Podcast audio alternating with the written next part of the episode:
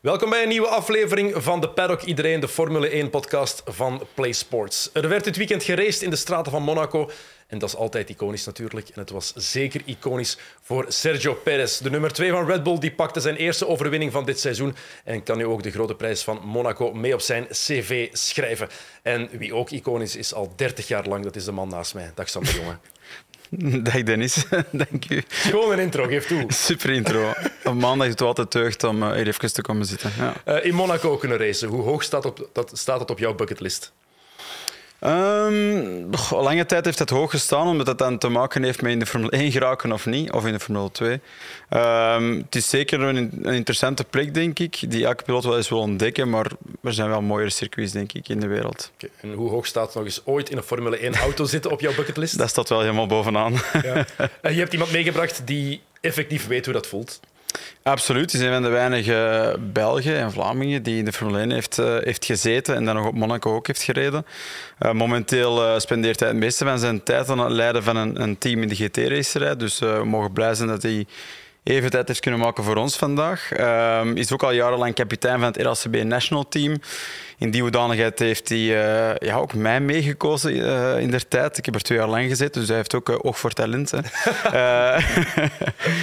ik wilde hem eigenlijk introduceren als, als Deslanders, op basis van onze laatste aflevering vorig jaar. maar hij heeft zijn plastron thuisgelaten, dus welkom Bas. Ja, hallo. hallo. Dag Bas. Ja. Sam coachen, hoe was dat? Uh, wel, het was, uh, was wel tof. Het was een, een duo-job. We hadden Sam um, en samen met uh, Denis Dupont, Franstalige collega, die samen het TCR hebben gereden. En, en dat, ah, dat klikte wel. En ehm, ja, het was, was tof om, om hem te coachen. Hij was ook leergierig. Hij wou het ook zo ver mogelijk schoppen. Um, iemand die luisterde en, en, en, en dan ook... ja, dat wil niet zeggen dat je dan alles moet doen wat, wat die, degene die je advies geeft, uh, ja, dat je dat ook allemaal doet. Maar toch, uh, als je tenminste luistert, dan een beetje afweegt van oké, okay, wat is goed voor mij en niet, voor, niet, mm. niet goed voor mij. En dan, Sam heeft dat goed gedaan en heeft het uiteindelijk ook uh, toch redelijk ver gebracht hè, in deze moeilijke wereld van autosport. Hè. Mm. Wat heb jij vooral van Bas geleerd eigenlijk in die periode? Weet je dat nog? Ja, veel dingen. Maar, maar ik denk dat um, Bas altijd verder denkt dan, uh, dan de meeste coaches op dat niveau misschien doen. Ook qua wat je binnen de regels kan doen. Mm. Uh, kent het reglement goed.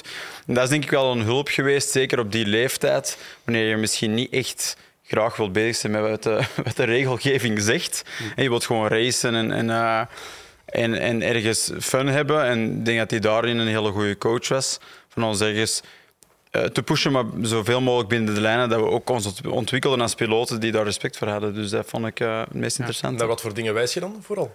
Wel, eh, ik denk dat het heel belangrijk jongens die willen racen, die willen racen, die, die rijden oké, we rijden met een auto. Maar je rijdt binnen een reglement. En elk kampioenschap, dat reglement is verschillend. Zowel technisch als sportief. Dus er zijn dingen die je mag doen en andere dingen die je niet mag doen. En uh, ook zo'n uh, race director uh, en dan de stewards die daarbij zitten, ja, die hebben ook een reglement dat zij dan gaan toepassen. Dus als je als piloot weet van ah, wat mag eigenlijk nu wel en niet en hoe gaan die dat interpreteren, ja, dan kan je daar ook naar rijden en, en zeggen van wat zijn dan de limieten. Dus de limiet in een TCR-kampioenschap en een GT-kampioenschap en een Formule 1-kampioenschap zijn verschillend door het verschillende reglement en de interpretatie daarvan.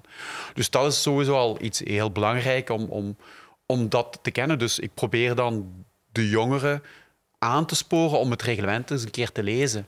Um, ik maak voor mijn team bijvoorbeeld uh, samenvattingen. Dus ook voor onze monteurs, mijn ingenieurs, uh, maak ik samenvattingen van de sportieve reglementen Ah, want zo'n sportief reglement is tussen 80 tot 120 bladzijden. Het ligt eraan welk uh, kampioenschap. Ja, dan maak ik daar zes, zes pagina's van. Eh, omdat het dan wat makkelijker is. De hoofdpunten, belangrijke dingen waar mensen dan mm. op gepakt worden.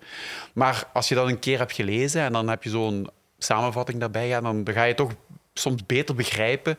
En dan ook kalmer blijven in bepaalde situaties. Want je ziet heel vaak, ook in de Formule 1, uh, gebeurt iets en dan, ja, dan hoor je de, de piloten vloeken en, en, en schreeuwen en uh, zo verder. Ja, dat, dat brengt geen zoden aan de dijk. Hè. Ik bedoel, uh, je verliest alleen maar energie, je verliest concentratie, dus dat is allemaal minder goed. Heb je het gevoel dat piloten de reglementen genoeg kennen?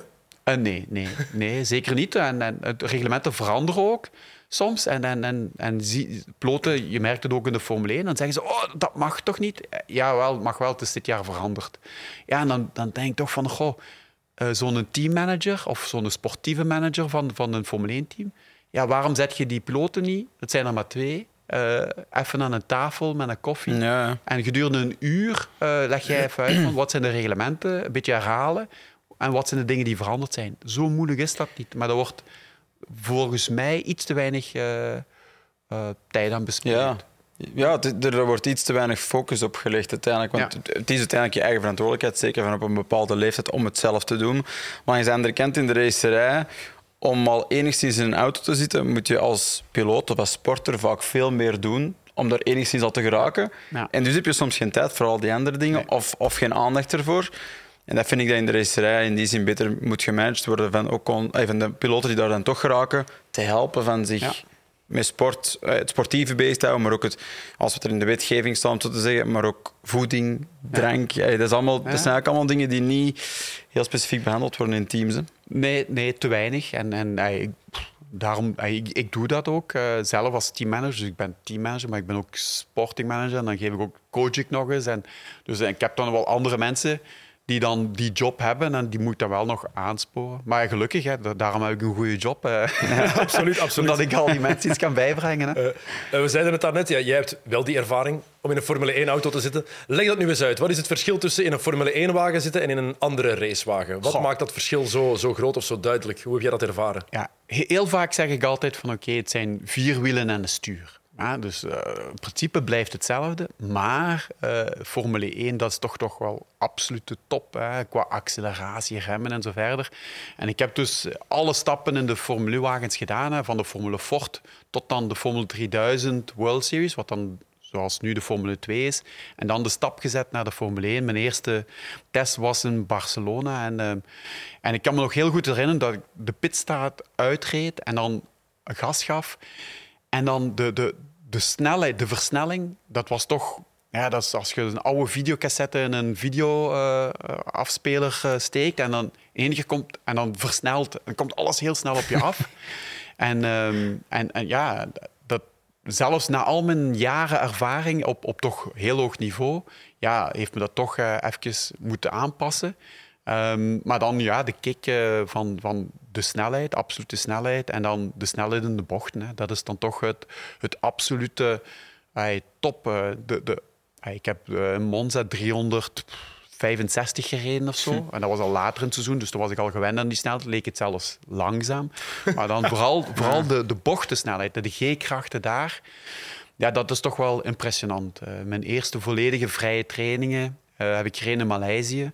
In Sepang, het was boven de 30 graden, vochtigheid van 95. En ja, toen kon ik echt op het einde van de tweede vrije training kon ik mijn hoofd niet meer recht houden. Dat was echt, uh, ik kon de baan niet meer zien. Uh, dat was uh, bocht 4. Lichtjes omhoog, dus je kunt later remmen. En er kwam een tunnel onderdoor waar een verzakking was. En dan op het einde kreeg ik nog een nieuw setje banden. En ik was zo, nee, geen nieuw, nee, alsjeblieft geen nieuwe banden. Want ja, ik weet nog meer grip. Meer grip. En, en bij het remmen en bij die bij die hobbel ging mijn hoofd gewoon naar beneden en ik kon gewoon de weg niet meer zien. En ik volop aan het remmen. En dan was van, oké, ik denk dat ik nu moet insturen. Ja, insturen, een beetje van de rem los en dan kwam die G-krachten weg. En dan kon ik mijn hoofd en ik, oh, een meter van de, van de bocht. Dus oké. Maar ik denk, oké, volgende ronde, ik ben klaar. Uh, deze keer ben ik klaar om mijn hoofd uh, tegen te houden. Maar ik was natuurlijk al vermoeid. En toen weer remmen en weer dat hoofd naar beneden. En toen dacht ik, oh, toch iets eerder insturen. Ja, ah ja, en toen zat ik op het juiste... En dan moest ik nog vier ronden en heb ik dat zo eh, afgereden. En dat was... Dus blind gewoon op gevoel dat je dan blind, doet blind gereden, ja. En toen, dat was de eerste bocht. En dan de laatste twee ronden kwamen nog op het einde van het, uh, van het circuit. is nog mm. zo'n dubbele rechtse. Dat was juist hetzelfde. Mijn hoofd ging helemaal naar... helemaal naar mijn micro staat hier, helemaal naar links. En ja, dat was hetzelfde. De, de weg was daar, mijn micro staat hier. Ik kon gewoon en ik moest dan al vol gas geven, want er was nog met tractiecontrole en zo. Dat was vol gas geven midden van de bocht. Ja, dan ik kom er wel uit. En het is gelukt. Hè. Ik was wel heel blij dat het gedaan was. Het wordt vaak nog onderschat. Het, wordt, het is gemakkelijk om te zeggen van ja, het is het, de mannen zitten in een auto, die rijden met een wagen. Maar de belasting op je lichaam, de, de training die je daarvoor moet ondergaan, is nog altijd zo onderschat door heel veel andere sporttakken, denk ik. Ja, absoluut. Omdat mensen zich niet kunnen inbeelden hoe het zou zijn dat het zwaar voelt om in een auto te rijden. Hm. Ze, ze, ze, hun kader is met, zelf met een auto op de openbaar weg rijden dan een bakker rijden op de autostraal. Natuurlijk is dat niet zwaar, omdat dat eh 0,0001 G is misschien dat je ooit eens meemaakt in een bocht. Ehm, op dat niveau is het natuurlijk helemaal anders wat die wagens kunnen. Ehm, maar ik denk in die sport dat ook moeilijk is, of in onze sport dat moeilijk is, je kan je heel goed voorbereiden. En ik denk dat de voorbereiding toen nog veel minder specifiek was dan, dan de huidige voorbereiding eh, van de Formule 1-piloten. Maar het is ook, je moet ook echt rijden om Ja. te trainen. Ja. Want het zijn zo'n zo'n moeilijke spieren eigenlijk. Het zijn allemaal kleine, kleine spiertjes, ook in je nek en zo, en in je core, dat, dat, dat ervoor moet zorgen dat je je nek eh, recht houdt. Hè. Ja.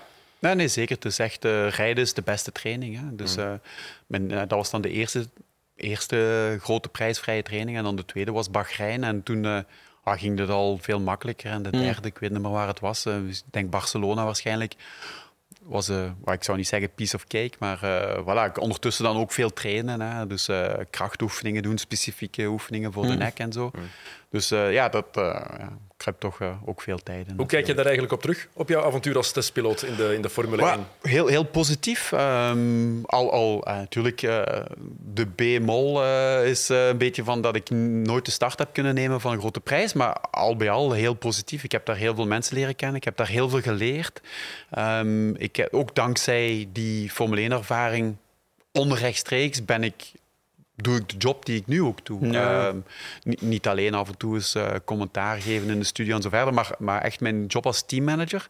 Ehm, dus dankzij dat ik Formule 1 heb gereden, dat ik dan in de GT-racerij een beetje mijn weg heb kunnen vinden, dat ik eh, bij het team Mark VDS, eh, waar ik tien jaar voor gewerkt heb, dat ik daar dat een beetje heb kunnen doen groeien. En, ehm, en dan ja, van daaruit bij McLaren eh, terechtgekomen, GT, McLaren GT. En, dan, en de job die ik nu heb, is toch ook dankzij het feit dat ik een jaar eh, Formule 1 heb gereden. Wringt dat, dat je nooit aan de start van een grote prijs hebt gestaan? Dat je er zo dichtbij was? Ja, ik, ik, ik had dat heel graag gedaan, dus dat, dat sowieso.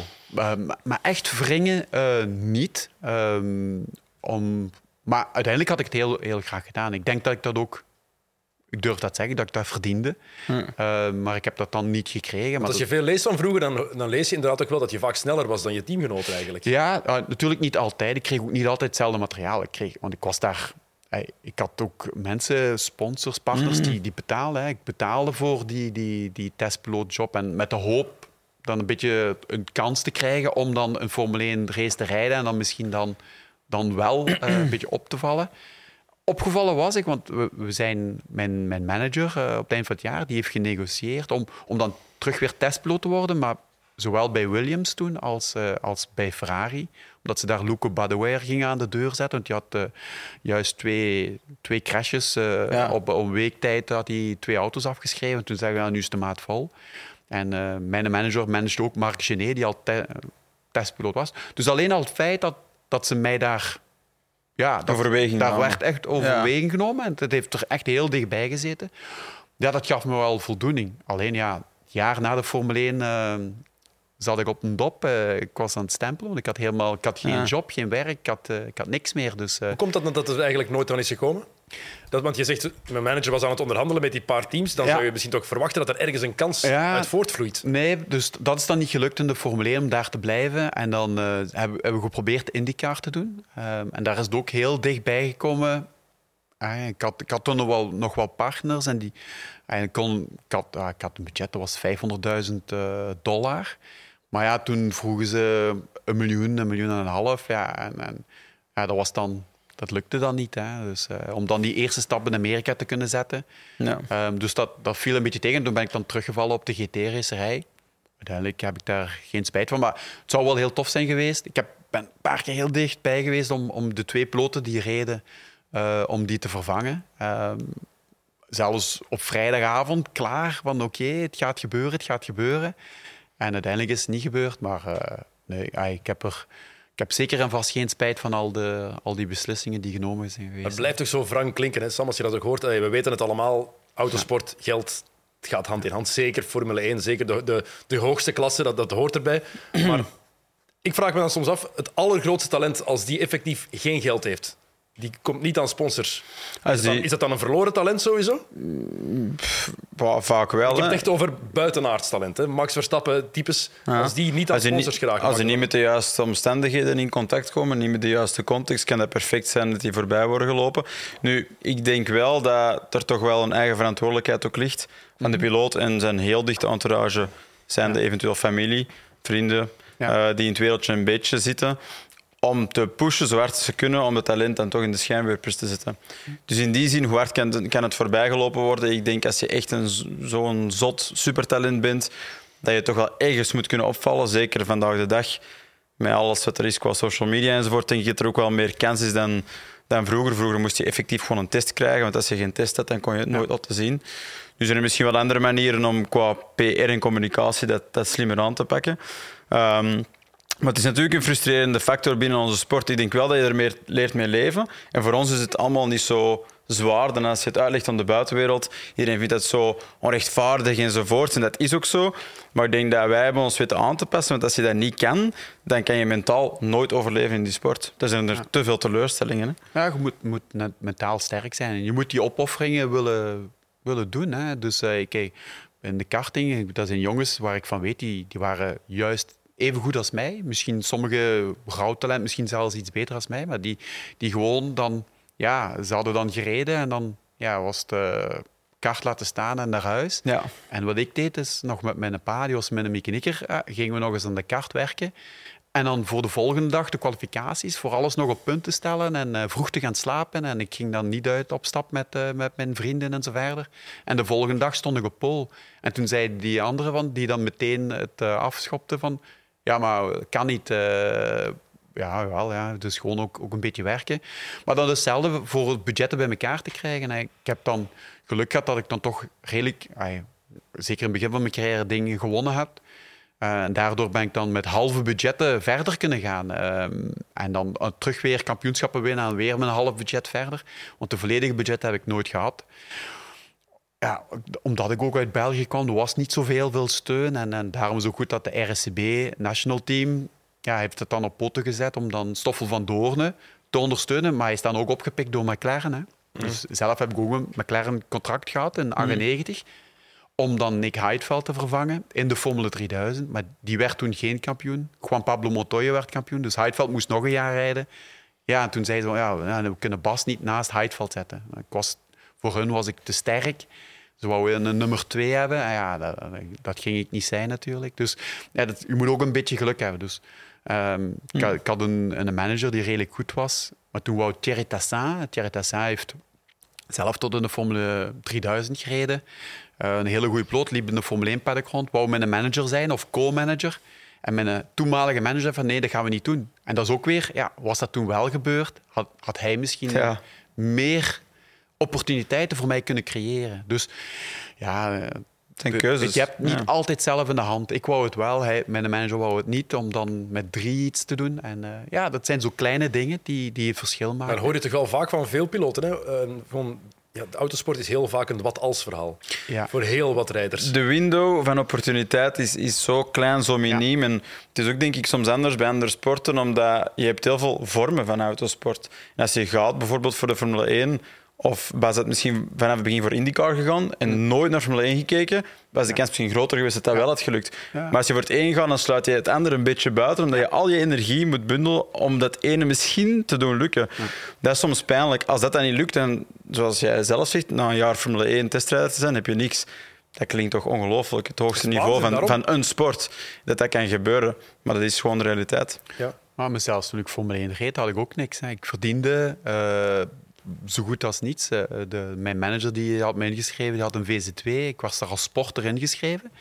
En ik had, eh, dat was dan 2000 euro. Maar van die 2000 euro moest ik af en toe nog eens restaurants, een Ja, ja. vliegtuigticket betalen. Ik had een vrouw, twee kinderen al. Eh, Het is niet ideaal. eh, ik had, het einde van het jaar ik had wat schulden. In Monaco. Ik heb in Monaco met de Formule 1 gereden. Ik weet op eh, vrijdagavond, eh, nee, op donderdagavond. vrij- trainingen waren op donderdag. Eh, ik had juist Formule 1 gereden, dus ik ging naar de catering. Ik zeg ah, tegen de chef, die ondertussen kende ik hem, wat eten we vanavond? Ah nee, maar Monaco eh, maken we geen eten s'avonds. Iedereen gaat zelf. gaat daar op restaurant. En, en ik zeg, oeh, dat is een probleem. Want ja, ik had de laatste 200 euro van de bankrekening afgehaald aan mijn vrouw gegeven. Dat die konden eten betalen. En ik had, kon ik had geen geld, dus ik heb daar een cola, een zak chips en eh, een Mars meegenomen. En dat was mijn avondeten toen ik in Monaco was. En ik had de, Het contrast tussen de de hele bling dag bling. gereden in de Formule 1 en, en s'avonds had ik geen geld om, eh, om mijzelf eten te kopen. Maf, hè? Dat is echt Ja. onwaarschijnlijk. Eh, je hebt natuurlijk ook andere dingen gedaan, veel andere dingen. Ja. Ehm, en je had twintig jaar geleden eigenlijk op de Olympische Spelen moeten staan, blijkbaar. Wel, eh, ik, ik heb karate, ik doe nog altijd karate Ja, ja. bijvoorbeeld. En, ehm, en toen eh, in, in 92 zou, ik weet niet of dat uiteindelijk gebeurde, zou karate demonstratiesport zijn. Ik denk dat dat was in ieder geval. En ik, ik werd dan zo wat klaargestoomd om eventueel als demonstratiesport eh, karate te gaan doen. In Barcelona was dat, 92. Ehm, maar oké, ik ben dan een jaar daarvoor ongeveer gestopt met, met karate, omdat ik dan echt de focus gelegd heb op, op, op autosport.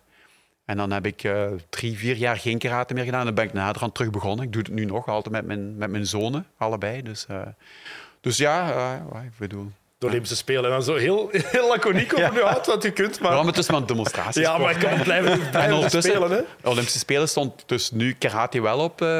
oh, was een van de sporten, maar dus de volgende Parijs staat er niet meer op. hè. Ik bedoel, belachelijk. Dus eh, een oproep karate terug. eh. Ja. De window opportunity. Ja, voilà. Ook, Ja, ook al, daar. ook alweer. Hè, ook Ja, ja, alweer, absoluut. Maar Eh. ik train wel met eh, mensen die naar de Olympische Spelen kunnen gaan in karate. Dus, eh, ja. Ehm, nu dan ben je teammanager bij Optimum, Optimum Ja. Sport, bet- beter Ja. zeggen. Ehm, wat houdt dat precies in, teammanager daar zijn? Is dat effectief manusje van alles zijn ook? Eh, ja, een beetje wel. Hè. Dus uiteindelijk, teammanager, als je het eh, heel simpel zegt, is eh, eigenlijk eh, ehm, personeel managen.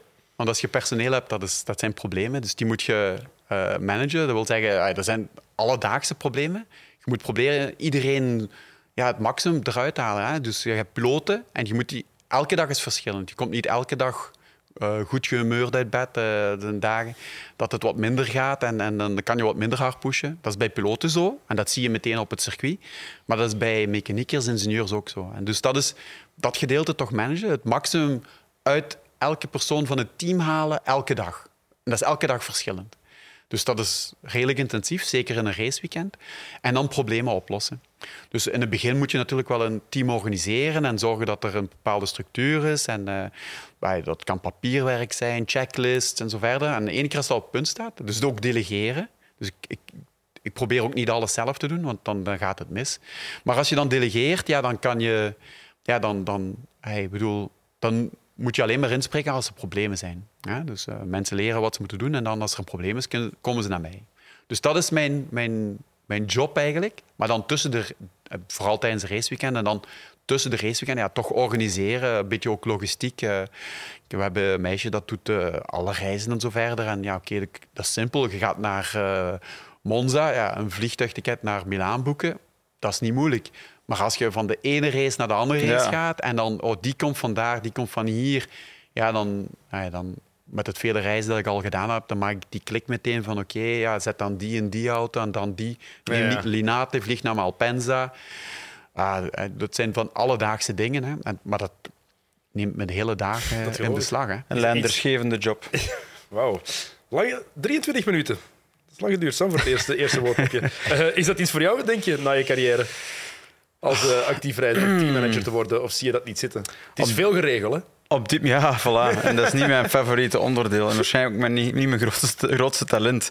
Ehm, op dit moment zou ik zeggen van niet, maar ik denk dat je positie altijd verandert doorheen de jaren. Ik denk dat ik nu nog zo lang mogelijk echt wil, wil rijden en zien dat ik dat talent kan gebruiken. Maar hangt er een beetje vanaf welke opportuniteit, denk ik ook, hè, bij wie dat, dat zou zijn eh, en hoe dat je leven dan, er dan zou uitzien. Maar op dit moment, eh, nee, nog niet. An- andere prioriteiten. Ja. Oké, eh, we gaan het over Formule 1 hebben van, van dit seizoen. We hebben de grote prijs van Monaco gehad. Ehm, ik heb er uiteraard nog nooit gereden. Eh, jij ook niet. Hoe is dat, Bas? Om met een Formule 1-wagen door die straten van Monaco te rijden. Ga, dat is toch wel fantastisch, eh, moet ik zeggen. Het ziet heb- er angstaanjagend uit. Als we die onboardbeelden zien, Sam, dat is indrukwekkend gewoon. Hè? Ja. ja, en ik denk dat het nu met de huidige Formule 1-wagens misschien nog wel indrukwekkender is, omdat die toch wel meer bewegen en eh, zijn toch ook wat langer en wat Ja. groter geworden. Dus misschien ook wel een beetje minder plezant. Maar ik heb natuurlijk een opbouw. Ik heb er gereden in de Formule 3000. Eh, Formule 3 eerst en dan in de Formule 3000 dan de Formule 1. Ik denk dat ik vier of vijf keer uh, daar heb ge gereisd en gereden. Maar uh, toch, uh, vooral, ja, je gaat helemaal naar boven, dan casino links, rechts over die, over die hobbel die er altijd is en waar iedereen naar rondrijdt gewoon toch dat gevoel, de snelheid. Je, kijkt niet naar de, naar de zijkanten, de vangrails, daar kijk je niet naar. Je kijkt gewoon naar het asfalt. En, uh, dus dat valt dan toch wel mee. Maar uh, ja, het, het, het, geeft wel een speciaal gevoel. Je rijdt daar in Monaco, uh, de snelheden liggen niet zo hoog, maar omdat het toch dan weer zo smal is, ja, dan geeft dat toch wel het gevoel dat het heel snel gaat. Vooral tabak, dus de, de linkse voor het zwembad. zwembad. Ja die bocht plus dan het zwembad in, dat is, uh, dat is eigenlijk het, het, mooiste. Omdat het toch dan zowat het snelste ja. portie is, met casino dan. Um, ja, ja, het is een heel apart gevoel. Um, om, om daar te rijden. Om daar te racen is wat minder, omdat ja... Kan weinig. Je kan bijna niet voorbij steken. Maar om er te rijden, in een vrij rondje, echt het maximum eruit halen, dat is, mm. geeft toch wel een kick. Mm. Uh, kan jij begrijpen dat ze effectief zouden overwegen om die te schrappen? Het is zo een van de, van de monumenten, een van de iconen in de Formule 1, toch? Ik kan het begrijpen binnen de huidige context van de Formule 1 en, en hoe ze daar dingen beslissen. En, en, en het geld dat erin omgaat, wat natuurlijk nog groter is geworden. Um, het zou spijtig zijn. Het is natuurlijk een historische Grand Prix in die zin, mm. uh, met veel geschiedenis. Um, ja, als je het nu gisteren bekijkt op een droge piste, wat kan er nog? Die auto's zijn zo groot, zo dik geworden. Ze zijn ook makkelijk, moeilijker om te draaien rond, rond korte bochten en zo. Dus It doesn't really make sense, maar op zich, er zijn Grand Prix die ik minder graag zie dan Monaco. Dus ja, ik denk, denk dat het ergens belangrijk is dat, dat, dat, er wel wat geschiedenis op de kalender blijft. Het is daarom, en het is ook zo een extra, als, als dat op je cv, cv staat als Formule 1-piloot, ja. dat heeft toch nog altijd iets extra. Het lijkt mij een beetje eh, in, in het wielrennen. Milan-San Remo is vaak een heel saaie koers. Ja. Maar als je die gewonnen hebt, dat staat wel heel hoog op je cv als, als, als renner. Van, oké, okay, wel Milan Sanremo gewonnen. Ook al stelde die race bijvoorbeeld niks voor. Je, je kan Monaco toch niet van een kalender laten? Nee, dat is echt een, een klassieker. Hè. Ik bedoel... Uh... Ja, nee, dat, ik, ik, zou het heel spijtig vinden mocht dat gebeuren. Ik denk niet dat het meteen gaat gebeuren. Nee. Uh, ik denk dat uh, Monaco toch een hele grote aantrekkingskracht heeft. Uh, en, en een beetje, het is een beetje een showbeest. Kijk, in Miami hebben ze dat proberen te reproduceren, wat redelijk gelukt is. En, en, buiten de haven. ja, buiten de haven, ja, dat is wat minder. Ja, dat moeten ze anders aanpakken. Maar in ieder geval, ja, ik denk dat, dat Monaco wel op, op, op, uh, die gaat erop blijven op de kalender. Ik denk het wel. Ik bedoel, ja. Er wordt uh, altijd veel gepraat over die dingen. Ik denk dat er andere grote prijzen zijn waar je eerder van kan zeggen van misschien die kan je wel schrappen. Maar uiteindelijk, ja, we zijn al met heel veel grote prijzen. Er zijn toch wel wat landen die, die nog wel willen meedoen. Dus ja, het, het wordt wat moeilijker. En, en de teams zeggen ook van oké, okay, we kunnen niet nog meer grote prijzen rijden. Maar uh, ja, je weet nooit. Hè. Mm, er moeten wel wat dingen veranderen. Heb jij ook al gezegd dit weekend? Wat moet er allemaal veranderen, Sam? Ik denk de regie, hè, dat dat puntje één is. Maar ze, ze, doen dat zelf, hè? Ze doen dat zelf. Blijkbaar, ik wist het eigenlijk helemaal niet. Ik denk dat Gert Vermeer, de, onze encyclopedie, dat heeft verteld. Um, ze doen dat zelf en, en ze missen toch wel heel veel belangrijke dingen. Uh, ook in quali uh, de crash van Alonso niet gezien, ook geen replay van gezien. Zowat elke gele vlag hebben we gemist uh, in de race. Dus uh, was altijd 5 à 10 seconden geel. Sector 1 meestal zijn de vol rechtdoor. We hebben er niks van gezien, nee. ook geen replays. Ik bedoel, het is al een circuit... De herstart waar we effectief vooraan hadden moeten zitten, ja. dan krijgen we het duel tussen Hamilton en Hamilton voor minuten aan een stuk. De, ja. dat, je niet, dat je niet snapt. Dat vind ik wel spijtig. Zeker op zo'n circuit waar er weinig wordt ingehaald. Dan moet je toch de stukken eruit halen die dan enigszins wat spektakel opleveren. Ja, ze doen het misschien zelf, maar is het elke keer dezelfde uh, eindregisseur die dat dan uh, doet? Hè? Dus ik denk niet, misschien niet. En dan, uh, nee. misschien was het dit weekend iemand anders. Ja. Minder goed. hopelijk nemen ze hem niet meer terug. Het was, het was geen groot succes. Nee. Moeten we het over de kwalificaties hebben die we gezien hebben dit weekend? Wel, ik denk kwalificaties hebben toch een hele grote rol gespeeld uiteindelijk van, uh, in het eindresultaat. Mm. Uh, um, ik denk dat uh, als ze iets anders hadden gestaan in de opstelling, dan, dan had het eindresultaat ook anders kunnen zijn. Maar je weet nooit in welke richting dat gaat. Hè? Dus welke beslissingen worden genomen. Als je aan de leiding ligt, dan neem je soms andere beslissingen ja. alsof je als je derde, vier ligt. Dat hebben we dit, dit weekend ook gezien op zondag. Dus um, ah, ik denk dat dat toch wel belangrijk is. Had Verstappen misschien een iets betere tijd kunnen neerzetten? Ja, want hij was eigenlijk op zich al een betere ja. tijd bezig dan Perez. Dus Perez, zijn crash heeft dan eigenlijk... Ja, heeft, was eigenlijk het begin van zijn overwinning, om het zo te zeggen. Ja. Want hij was dan de belangrijkste Red Bull-piloot on the road qua positie. Maar inderdaad, misschien wordt er als ja, misschien wordt er dan een andere beslissing gepakt als Verstappen er toch had voorgestaan. Dus die regen natuurlijk, dat brengt veel onzekerheid. Ja. Nee, maar ik denk, als, als Perez niet crasht, dan denk ik, oké, Leclerc nog altijd op pole, ja. stappen twee. Ja. En dan is het, is het dan Perez op drie of Sainz op drie. Dat is dan, maar dan wel heb je Verstappen op eerste rij. Ja, uh, en dan met wat er in de race gebeurd is, ja, misschien wint Verstappen dan. Misschien ook niet, maar uh, voilà, dat, dat weet je natuurlijk, dat is koffiedik kijken. Maar ik denk wel dat het een rol heeft gespeeld. Dat foutje van Perez, wat gebeurt daar nu precies? Is dat effectief gewoon net dat die tikkel, die fractie van een seconde te vroeg op de gas gaan staan? Ja. Ja, ik denk dat de combinatie is van bandentemperatuur of de drukken nog niet helemaal perfect. Was natuurlijk uh, helemaal op het einde na die rode vlag, dus er was niet veel tijd. We weten dat die Red Bull in vergelijking met die Ferrari iets meer tijd nodig heeft om die banden op temperatuur te krijgen. Ferrari die, die zet iets meer druk op die band, dus maar ik bedoel, Leclerc zagen we er geen probleem mee hebben. Hè. Die ging ervoor, die zat uh, toen al vier tienden onder zijn tijd als hij bij tabak kwam. het is een combinatie. Er is gewoon heel weinig marge. Dus iets waar je mee wegkomt op een gewoon circuit en misschien een klein overstuurmomentje hebt, is hier uh, Ik denk dat dat is muur. Je zoekt de limiet op en je, je hebt dan ondertussen al een paar keer uh, met, met nieuwe verse banden gereden. Um, ja, en dan denk je van oké, okay, ja, kan er nog iets meer uit kunnen halen. En dat probeer je dan. En, en het hoeft maar, je hoeft maar dan alles... Ah, ik bedoel, Monaco is niet volledig vlak, hè, dus daar zit nog al wat een beetje hobbels in. En je hoeft maar eh, 10 centimeter meer naar links, meer naar rechts. En die hobbel is juist iets groter. En, en je zit juist op die limiet. Verlies je de achterkant, ja... Het was geen heel grote fout, maar het had wel meteen de gevolgen dat hij stilstond. Hè. Leclerc was wel indrukwekkend in de kwalificaties. Zeker als we zijn track record bekijken van de afgelopen jaren, zelfs van de afgelopen maanden. Hij crasht daar die, met die iconische wagen van Niki Lauda. uh, vorig jaar crashte hij in de kwalificatie. Uh, met Alfa is hij daar ook eens gewoon rechtdoor gegaan. Niet allemaal zijn fout, maar het zijn wel dingen die in het kopje kunnen kruipen. Ja, maar dat, heeft er, ja, dat lijkt of bij hem ervoor gezorgd te hebben dat hij er extra op gefocust is om het daar goed te doen. Misschien, misschien zich daarom ook extra voorbereidt om het goed te doen. En heeft zich daar dan in een window gekregen uh, van ja, een perfect weekend af te leveren. Hè, totdat uh, er bij Ferrari tijdens de race een foute call kwam. Maar het zegt wel veel over zijn kwaliteiten, ook mentaal. Want de allergrootste die moeten dat kunnen. Die moeten ja pech in het verleden van zich af kunnen zetten. Denken aan de volgende momenten. Ik reken hem nog niet op hetzelfde niveau als een, als een Verstappen persoonlijk. Ze zitten gewoon ook anders in elkaar, denk ik, als persoonlijkheden. Maar um, hij is wel gewoon aan een heel sterk jaar bezig. Dus we, zien, we zien het eigenlijk al wel heel het jaar dat hij buiten dat foutje in, uh, in Imola was het zeker, over die curb. Soms is hij nog iets, iets te veel uh, gebeten om het te doen werken. We horen ook in die kwalificatie, had aan de pole. Uh, Perez crasht, het is rood. En hij vloekt dan echt oprecht dat hij die snellere ronde niet heeft kunnen afleveren. Dus voor hem gaat het niet enkel om de poot, het gaat ook om het, het snelst haalbaar, het best haalbaar uit die auto te halen. En dat is op zich gezond, maar hij moet het kunnen controleren, die emotie. Uh, om kans te maken later in het seizoen voor nog mee te spelen, denk ik, voor, de, voor de titel. Ja.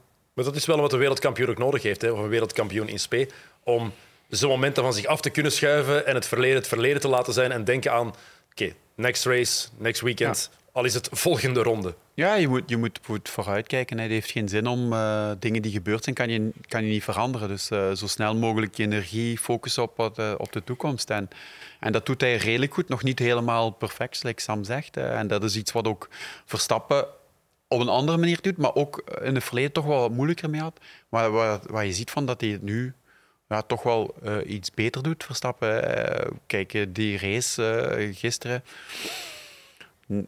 hij had misschien in het verleden had hij meer risico genomen om eventueel voorbij uh, Sainz te geraken. Heeft hij dit keer niet gedaan. En uh, dat is ook wat Christian Horner zei van ja, Verstappen, is thinking about the long game. Hè. hij denkt echt aan, aan, het seizoen is nog lang, dus hij gaat punten pakken waar hij kan, niet te veel risico en winnen waar hij kan winnen. En zo, zo win je kampioenschappen. Hè. Dat is de beste manier. Je moet natuurlijk wel races winnen, maar als, je, als het niet gaat, zoals in Monaco, ja, dan moet je gewoon tevreden zijn met Accepteren. een mhm. derde, misschien zelfs een vierde plaats. Hè. Mhm. Ehm, de start dan. We waren allemaal aan het hopen, gisteren op regen. Regen, we willen regen, we krijgen regen. En dan heeft de regen eigenlijk veel verpest. Heel veel. Te vroeg, hè? De regen te vroeg had dat, dat een kwartier later moeten komen. Hè? Ja. Na de start was beter geweest waarschijnlijk. Ja, ze hebben, ze hebben, ehm, ze hebben die start dan willen uitstellen en denk een stuk uit veiligheidsredenen initieel. Dan is het nog harder beginnen regenen. En dan is er denk ik een power cut geweest ergens in een regio van Monaco. En de startlichten werkten niet meer naar behoren. Ehm, goed, dat zijn ze dan aan het oplossen. Wat op zich al iets vreemd is dat dat kan gebeuren. Dat gebeurt. Er wordt dan niet over gecommuniceerd naar de kijkers of naar de mensen die daar zijn. Dat is volgens mij het meest frustrerende. Hè. Inderdaad, we hadden het er voor de aflevering ook al over. Van, ze hebben al vorig jaar met Messi uh, beslist van we gaan niet meer zo open zijn. Niet iedereen moet meekijken uh, in het kamertje waar de dingen beslist worden. Maar langs de andere kant kan je toch wel een beetje aanvoelen wat de juiste context is. Om soms eens wel uh, een beetje info te geven aan alle mensen die thuis zitten te wachten. Die geen Grand Prix zien gebeuren en die misschien zappen of, of iets anders gaan doen. Maar los daarvan, waarom zou je mensen niet laten binnenkijken met alles wat er gebeurt. Ik snap dat nog altijd niet. Wat, wat, als, als, neutrale kijker, net zoals in het voetbal, vragen we dat ook af. In het hockey, als er gecommuniceerd wordt met een VAR bijvoorbeeld, in het rugby is dat ook, dan hoor je de scheidsrechter. In het voetbal is dat, oh nee, geen optie. Ja waarom niet? waarom zouden we als kijker, als, als, als we betalen voor die sport ook te kunnen zien, waarom zouden wij niet mogen weten wat er allemaal gezegd wordt? Ik denk persoonlijk dat het is om die mensen die in de kamertje zitten ook te beschermen van de alle druk die er van buitenaf is. Maar dat vind ik op zich Doe je niet een heel goed excuus, want dat is in mijn ogen wat er met Michael Messi ook gebeurd is. De FIA heeft hem niet echt goed beschermd of omringd. Ja. En als het dan fout liep, dan was het, ja, het ligt wel aan u. Dus uh, jij mocht nu koffie gaan zitten. Maar, okay, maar als, als een piloot crasht en het is zijn fout, dan zeggen we, zeggen we ook allemaal: het ligt aan jou. Het is jouw fout. Dus waarom zouden we dat over een ja, wedstrijddirecteur niet mogen zeggen? Omdat hij minder verdient? Ja, het is toch altijd de job? Doe je job, job goed? Of ga je dan tekort door de bocht? Nee, ah, no ik, intended. Hey, Ik, ik, ik, weet niet hoeveel uh, zo'n race-directeur uh, verdient, of dat veel is of weinig is. Uh, ik hoop dat het voldoende is. Want het, zal ja. minder, het zal minder zijn dan Verstappen en Hamilton. Dat, ja, dat mag ook wel. Hè. Ja. Mag ook wel. Maar ehm, ja, in ieder geval, het, het, het, het, is een bepaalde verantwoordelijkheid. Maar die verantwoordelijkheid die, die neem je toch. Ik bedoel, je staat er toch open voor, voor, die, ja. voor die kritiek. Um, eender als dat nu, als je dat laten zien of niet. Het probleem is met Massi, zou ik toch zeggen, voilà, hij, is, daar een beetje ja, ingevallen. Dat was niet de bedoeling dat hij race-directeur ging zijn. En, uh, um, maar dan, ja, effectief, denk dat de FIA misschien iets te weinig geholpen heeft. Uh, ze hebben dan die open kaart willen spelen voor de Formule 1. Dus je hebt FIA dat is de, de, de sportingbord, uh, waar ja. Dan deel van is. Hij is deel van de FIA. En dan heb je Formula One. Ja, dat zijn de mensen die de recht hebben en die de televisie doen. En, en, en die, die, het commerciële. Het commerciële Liberty Media zit daarachter, ja. Ja, en die, die gaan natuurlijk, die, die willen die openheid wel. Hm. Uh, omdat die zeggen, ja, dat is part of the, of the show. Um, maar oké, okay, daar zijn ze dan niet... Ja, misschien hadden ze bepaalde dingen vorig jaar... Misschien ja, moeten beslissen om dat dan niet op, uh, op, uh, ja, op televisie laten komen of laten horen. En andere dingen wel. En dat je daar iemand tussen zet die dan beslist van oké, dit, maakt het duidelijker en dit maakt het niet duidelijker. Natuurlijk, er was een hele controverse vorig jaar met de laatste race. Eh, dat was niet de enige controverse, maar ja, dan was het een beetje... Heeft hij dat niet helemaal volgens de regels behandeld? Ja, en dan wordt hij aan de kant geschoven. En dan heb ik ook meteen gezegd van oké, uh, waarom hem aan de kant schuiven? misschien moet iemand vervangen, maar wie, wie gaat het dan doen? Ja. En dan, uh, nu uiteindelijk hebben we twee race-directeurs. Ja, zijn die beter?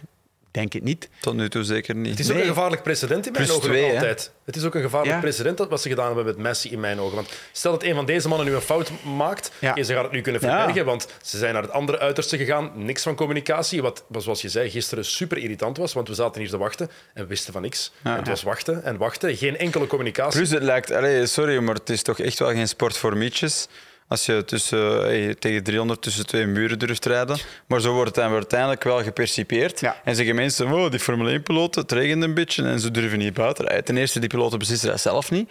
Dus er is weinig beslissing in de cockpit. En allee, ze, ze, helpen de Formule 1 en de status van de Formule 1 op die manier niet. En dat is, dat is wat mij echt stoort. Mm. Is het logisch dat ze achter een safety car zijn begonnen? In jullie ogen? Nee, maar toen, het volledig nat was, zou ik zeggen uh, dat, dat ze een staande start hadden kunnen doen. Natuurlijk, als er dat probleem is met de die startlichten, ja. ja. dan kan je, dan kan je niet. Als echt niet werken. Uh, je gaat dan nu niet in de Formule 1 met een vlag starten. Uh, al, al is dat natuurlijk wel een optie. Ja. Dat staat in het reglement dat dat wel kan. Maar, ja, maar anders had ik wel graag een staande start gezien. Uh, natuurlijk, wanneer de herstart was, later, en dat er een, een, uh, misschien een drogere plek komt, drogere lijn, dan heb je sommige jongens... Die op eerlijk. Een, ja, die op ja. een, een, droge ja. plaats staan, de andere niet. Dan, dan ben ik wel voor dat het dan een, een safety car start is, iedereen achter elkaar.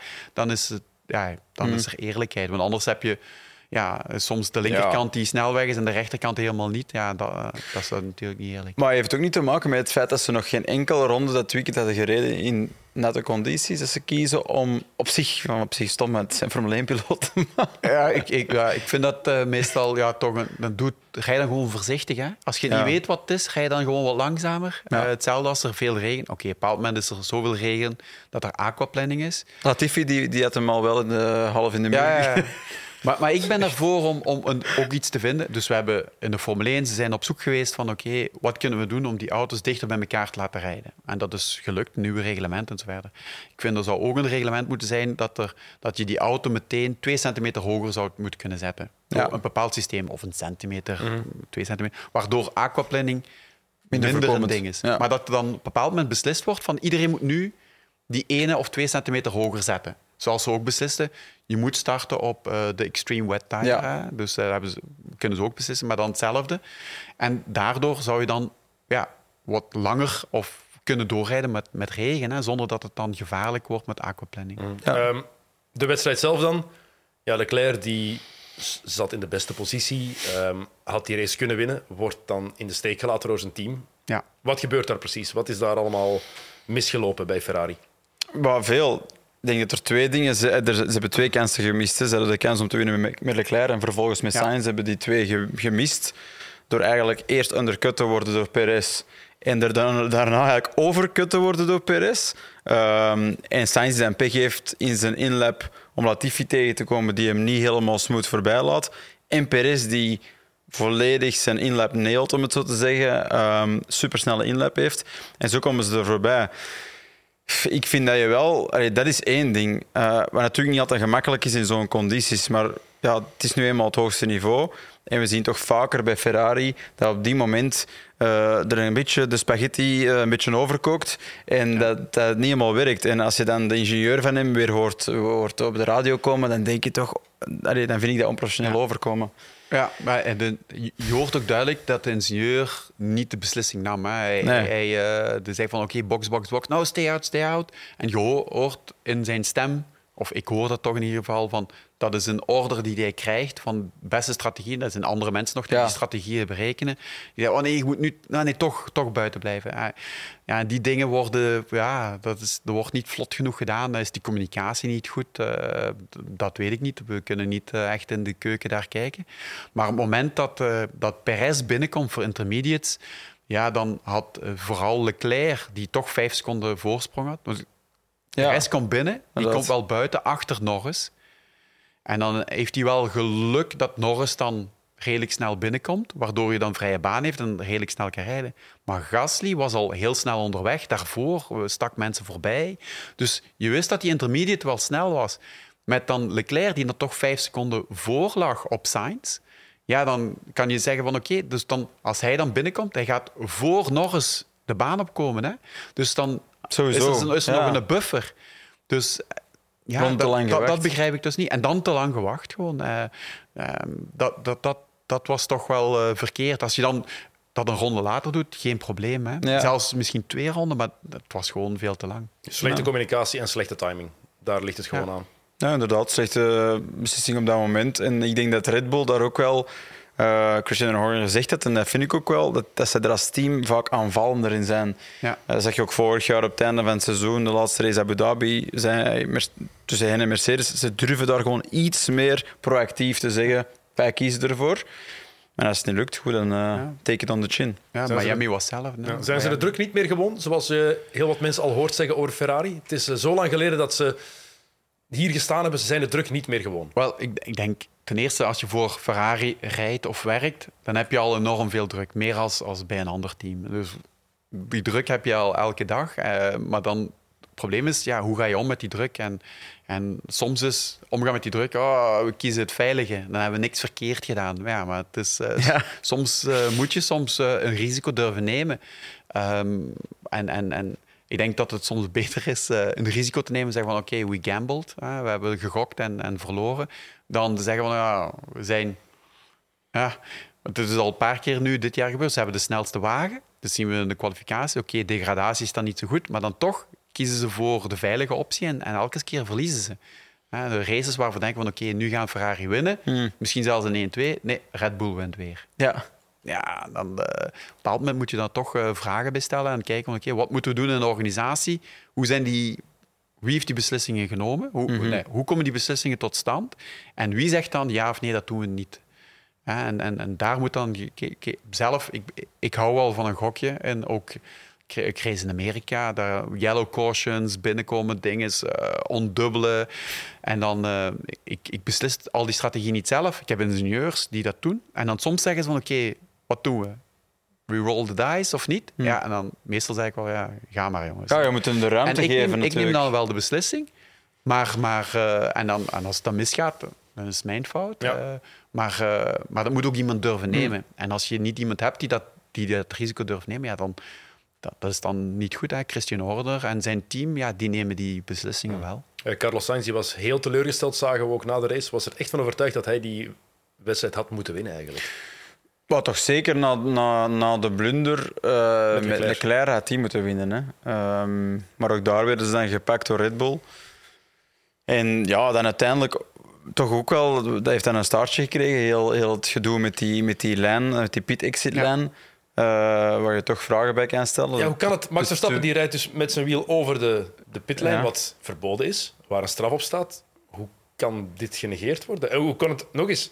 Geen communicatie mm. over, op niks. Wel, uh, wel uh, dus de stewards hebben het dan bekeken. uiteindelijk is het dan vastgesteld, want Ferrari heeft klachten gediend, dus officieel klachten gediend tegen Perez en tegen Verstappen. En zeggen, het is niet tegen Red Bull, we willen gewoon clarificatie. Ja. hebben dan gezegd, we willen verklaren. Maar toch wel leuk als je Want in, de, in, de, in, de, in de briefing notes uh, van uh, Eduardo Freitas, de race-directeur, stond dan van oké, de pit-exit line mag je, dus, mag je dus niet overrijden. Dus Um, en meestal is van mag je niet aanraken. Ja.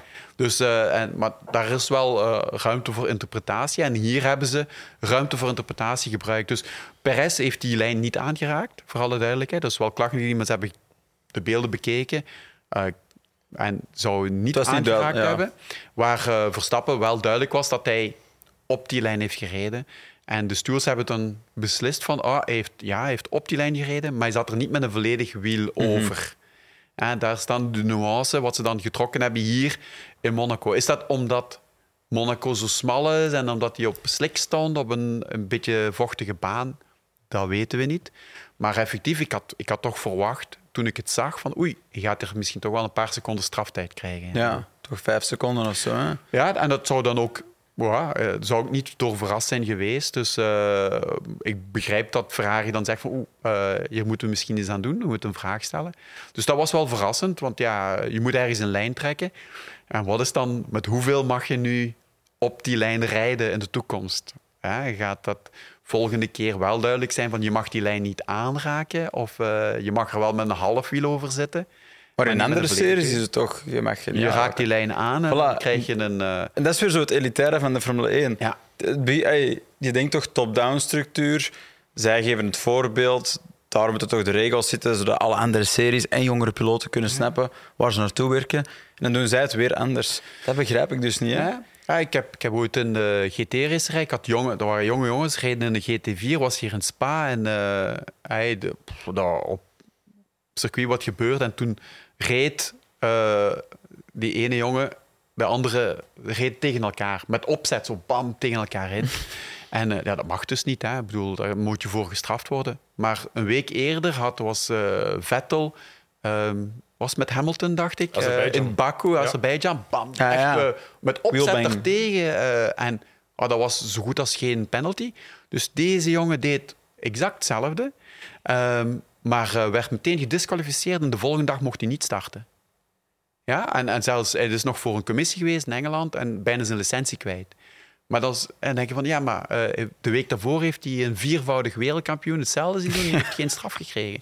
Dus dat is af... twee gewichten inderdaad. Ja, en dat is af en toe, daar, dat vind ik toch dat ze daar juist uh, in de Formule 1 een voorbeeld moeten geven. Absoluut. Ja. Mm. maar goed, los van alles, Perez wel een verdiende winnaar als we zijn hele weekend ook bekijken. Hij was uh, redelijk constant dit weekend. En misschien maar goed ook voor Red Bull dat hij gewonnen heeft na wat er vorig weekend in Spanje is gebeurd. Ja, ik denk op zich niet dat het veel had uitgemaakt. Ik bedoel, ze komen er ook gewoon voor uit dat, dat, dat, dat Perez de tweede piloot is. In, in die zin dat hij er is om, om uh, Verstappen te ondersteunen. Uh, maar het is duidelijk dat die twee, 2022 auto een veel beter licht. Daar hebben we het al over gehad. Hè. Een auto die meer onderstuurd is en overstuurd is. Iets dat Verstappen veel beter ligt, dat overstuur, kan er beter mee om. Um, en in Monaco wordt het dan misschien in die zin nog een beetje uitvergroot, dat onderstuur. En Perez heeft het geduld om die auto te doen werken. En nu begint hij natuurlijk zo wat vertrouwen te tanken. De laatste races, dat is al van het begin van het seizoen, hij is sneller, veel sneller dan vorig jaar in vergelijking met Verstappen dat Monaco winnen. Uh, hij zit niet op heel veel punten afstand uh, van Verstappen. Dus dat is een situatie dat ze goed, uh, goed zullen moeten managen. Ja, tegelijkertijd zegt Red Bull ook van ja, Perez is niet de nummer twee. We geven hem, we gaan hem gelijk materiaal geven en mogelijkheden. maar je ziet toch uiteindelijk dat Verstappen het meestal toch nog net iets beter doet. Hè. Zelfs ook hier in Monaco, kwalificatie, we hebben het er eerder over gehad. Um, rijdt iedereen zijn ronde uit dan is waarschijnlijk Verstappen dan toch voor Perez. Uh, dus, maar, maar in ieder geval, Perez is een super, super een hele goede piloot en, en hij tankt vertrouwen en, en ja, hij neemt punten weg. Hè. Dus we hebben gezien, ja, uh, Perez, de nummer twee, wint. Uh, Sainz, de nummer twee, wordt tweede. Um, maar voilà, het is een beetje door omstandigheden gecreëerd. Dat dat net zo goed Verstappen kunnen zijn die had gewonnen, of Leclerc. Um, dus een van die vier ging winnen. Ze zaten allemaal dicht bij elkaar en het heeft van hele kleine details afgehangen hmm. wie gewonnen heeft. En, en ja, het zal belangrijk zijn in de volgende weken te zien hoe, hoe, hoe Sainz zich evolueert en hoe, uh, hoe Perez zich evolueert. Wie zeker geen kans maakte op de overwinning, dat waren de twee Mercedes'en. Uh, de Wolf die heel duidelijk was, um, dit is onaanvaardbaar voor Mercedes, wat ze hebben laten zien. Vijfde plek voor Russell, achtste voor Hamilton. Op zich vind ik dat, dat Russell nog altijd uh, overperformt, of toch in de race results komt hij er altijd weer beter uit en dan vind ik dat altijd goed meevallen. Maar natuurlijk, ik denk dat de, benchmark uh, Hamilton blijft voor Toto Wolff, dus in die zin snap ik wel zijn comments. Ik denk voor in, in, in Monaco een heel moeilijk weekend, omdat die auto werkt enkel als ze die laag genoeg krijgen en de downforce eigenlijk dus de rest van de problemen kan maskeren, kan je niet doen in Monaco, want daar heb je gewoon veel minder downforce.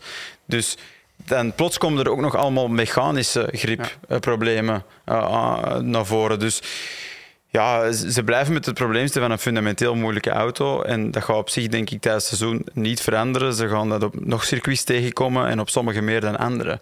Maar een volledige ommekeer zie ik er persoonlijk zelf niet, uh, niet echt gebeuren.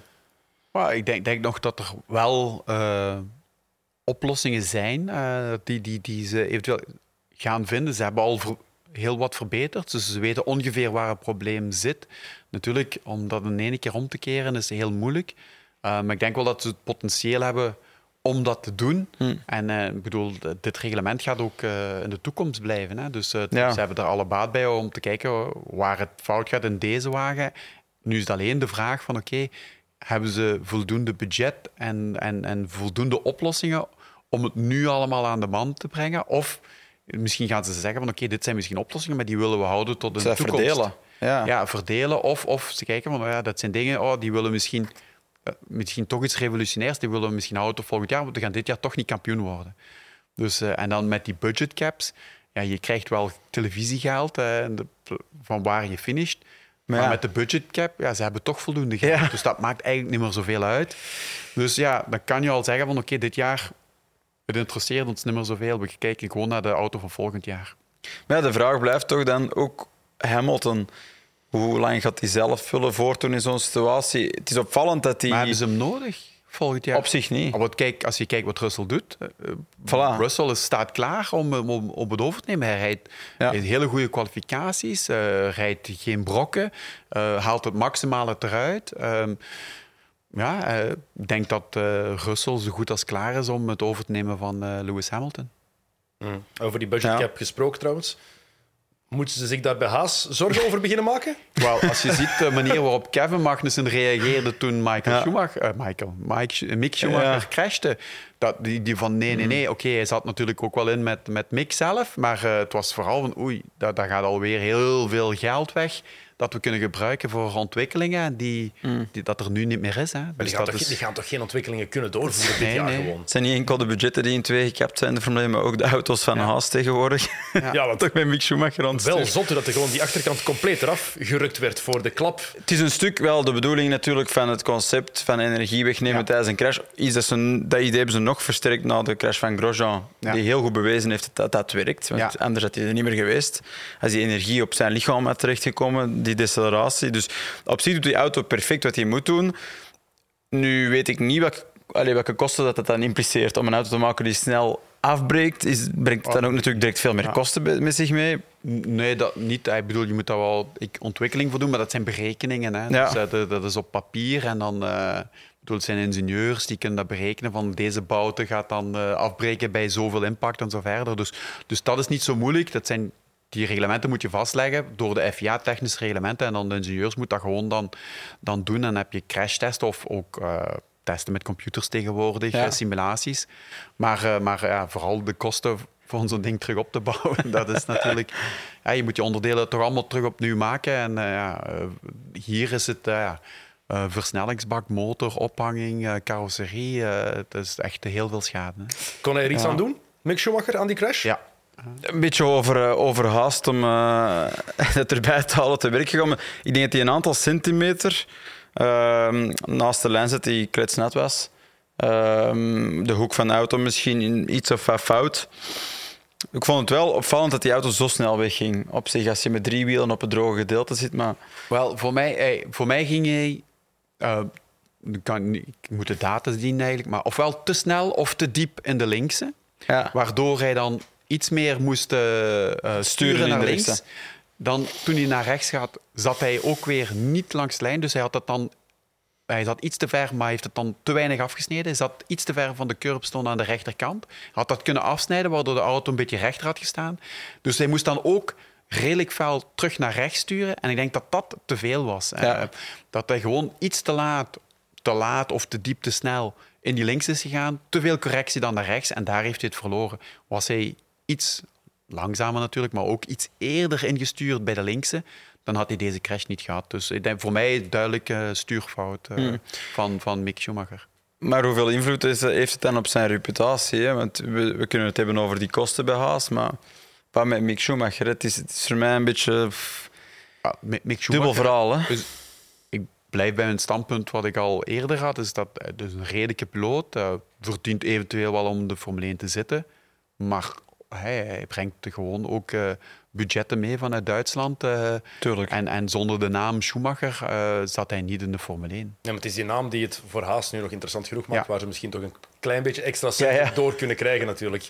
Gaat misschien meer opleveren dan de naam Magnussen. Puur en alleen, ja. Ah, sowieso. Hè. Ja, dat is zeker. Ik heb nog een paar korte dingen, want we hebben nog een dikke vier minuten voor, voor we moeten afronden. Ehm, ja, korte ja-nee-vraag. Moeten we Daniel Ricciardo bij McLaren stilaan opgeven? Wel, spijtig genoeg ja. Ja, is het over? Ja, ik, ik denk dat hij heeft een hele zware mentale krak, eh, knak eh, gekregen. En vorig jaar al. Hmm. Terug met goede moed begonnen. Weer gekregen. En ook Zack Brown heeft ook gezegd... Openlijk. Openlijk Ja. gezegd, een vraag gesteld. Heeft zich moeten verdedigen ehm, daarover. Hij zegt zelf van ik ben niet goed bezig. Wat dan wel weer goed is, dat geeft dan hoop. En ik hoop dat hij het haalt, maar ik vrees Ja. dat hij bij McLaren eh, niet de resultaten gaat halen die van hem verwacht worden. Nee. Maar ja, dan, dan niet Rick. Wie dan wel? Hè? Dat is een beetje de vraag. Eh, bij McLaren gaan ze iemand zoeken binnen de Formule 1. Gaan ze iemand, een jong talent dat ze toch in Amerika eh, misschien aan het ontwikkelen zijn. Mr. Hurta, Ja, Mr. Hurta of Award hebben ze ook. Ja. Ehm, het, is, het is opvallend dat hij met beide generaties auto's bij McLaren bijna hetzelfde probleem tegenkomt. En dat is remmen en entry van de bocht, waar Norris veel sneller is. En ook vertrouwen in die auto. En bijvoorbeeld ja, na de eerste, in de eerste sector Massenet naar Casino, je komt daarboven. En daar, Norris die bleef er in de vrije training ook in vierde. En Ricciardo doet bijna een vertrouwensshift naar derde Ja. om die wagen nog af te remmen, om niet met de voorkant weg te schuiven. Dat is toch wel iets, misschien een beetje technisch, maar, maar voor een piloot, eh, je snapt van als je dat nodig hebt om er te durven doorgaan tegen die snelheid, dan voel je je toch niet goed in die auto. Hij, heeft- hij heeft- het blijkt gewoon dat hij moeilijkheden heeft om zich aan te passen aan een nieuw concept van wagen. Hij had het bij Renault, Ja. had het dan weer bij McLaren. En dan het eindseizoen ging het iets beter. Hij wint dan wel een Monza, maar oké, dan met een gelukje en zo. Maar dan weer terug bij deze wagen. Ja, hij, heeft gewoon moeilijkheden om zich aan te passen aan een, een wagen die anders reageert. Ja, dat, ja, dan is het heel moeilijk. Ehm, wat ook heel moeilijk was gisteren, was eh, voor Lewis Hamilton om achter Fernando Alonso te blijven rijden. wat die mens aan het doen was. Allee, hoeveel, hoeveel rondjes heeft hij daar als een slak rondgereden bijna? Ik weet niet, maar... maar 20? 20, Ja, zoiets, hè. ja. Echt, en ineens. Maar vooral vier, vier seconden bijna was hij sneller op het einde. Ja. Eh, trekt er zich niets van aan. Ehm, ik denk dat de, de redenen daarvoor legio zijn. We wilden zijn banden een stuk sparen, maar deed dat op zo'n overdreven manier dat hij volgens mij zelf toch ook weet dat dat niet nodig is. Maar hij zei ook van, ik had geen enkele moeite, geen enkele nul, nul moeite om Lewis achter mij te laten. Wat toch weer een opvallende comment is van Fernando Alonso. Nee. Ze hebben een kleine voorgeschiedenis, die twee natuurlijk. Ja. Het is lang geleden, maar Ah, maar ja, Monaco kan dat. Hè. Ik bedoel, dat is gewoon... eh, zeker met deze wagens. Ja, voilà. Dus eh, als je een beetje, beetje defensief rijdt en dan moet je zelfs de deur niet dicht doen, ja, dan kom je er gewoon eh, niet langs. Oké, goed. Eh, we gaan moeten afronden. Ehm, Ik ga dat hier nog laten tekenen. Hè. ja, het, Bas? het mooie Formule Het 1 boekje boek. komt van bij mij thuis. 2004. 2004. Eh, het gaat niet over, over de mooie dame hier, maar wel over eh, de meneer in het hemd. Dus ik ga dat Bas best... op zijn terras en het is- zijn allemaal Ja. foto's in een grasveld. Top. het is heel Ja, rest. fotograaf. ik denk dat George de Koster was. Oké, goed. Over twee weken zijn we terug. Over twee weken is er de grote prijs van Azerbeidzjan. Die kan je natuurlijk ook helemaal volgen op PlaySports. Bas, bedankt om naar hier te komen. Met veel heel plezier. aangenaam. Merci. Sam, bedankt om erbij te zijn. Tot Yep. over twee weken. Dan ben je Ja, er ja. bij, hè. Voilà. Jullie bedankt om er eh, naar te luisteren en te kijken. En heel graag tot eh, de volgende keer. Salut.